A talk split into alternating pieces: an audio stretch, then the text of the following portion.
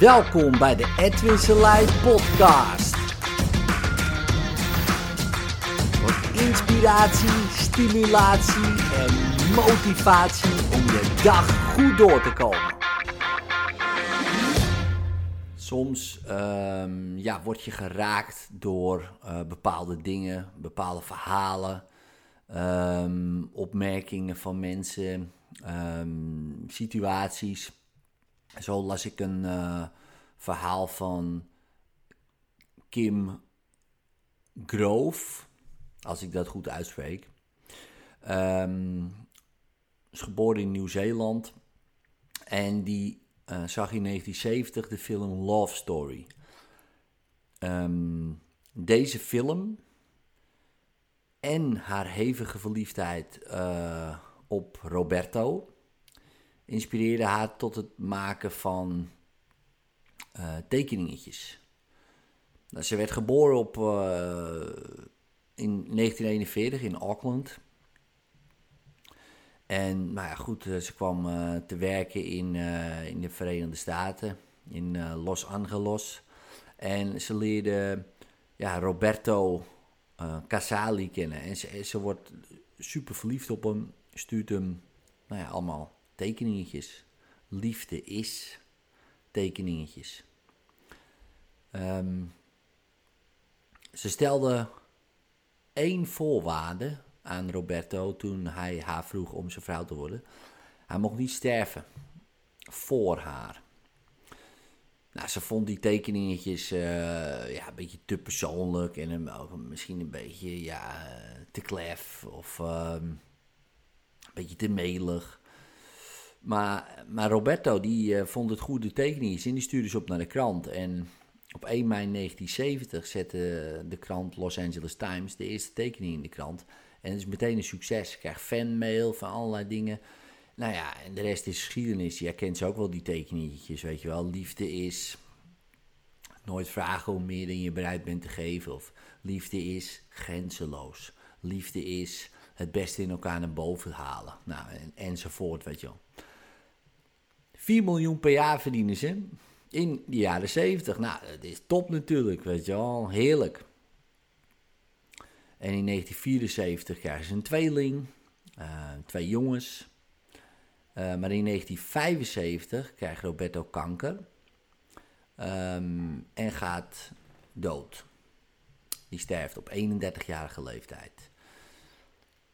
Kim is helemaal van slag, helemaal ontroostbaar. En ja, ze zal nooit meer een andere man in haar leven hebben.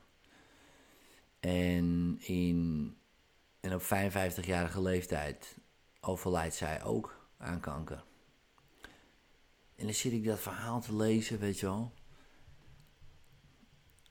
En dan denk ik, man, dan word ik geraakt en dan denk ik, wat verschrikkelijk. En dan en ik weet niet waarom ik dat dan precies zo verschrikkelijk vind. Um, maar ja, het raakt mij. En ik denk dan ook, ja, je denkt dat het zo gaat lopen. Weet je wel? Je denkt altijd van, oh, um, het komt allemaal goed. Uh, je denkt altijd dat het allemaal zo blijft dat het allemaal goed blijft. Maar het is niet zo.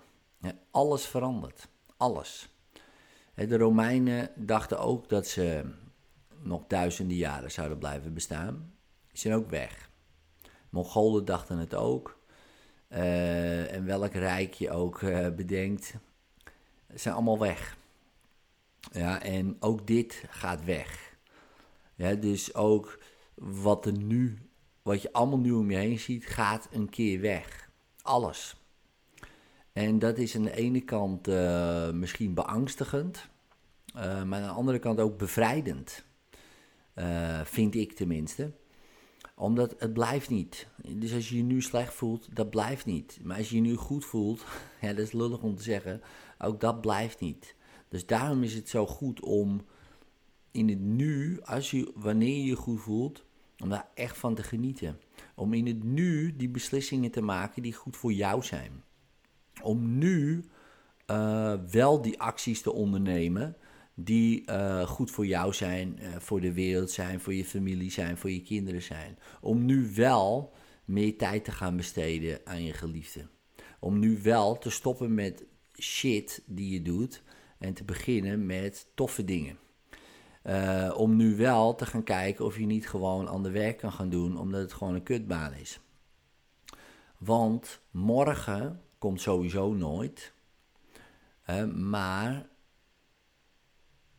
het kan nu ook opeens anders worden. Uh, dat je gedwongen wordt tot keuzes. Ja, dat het uh, opeens allemaal anders is.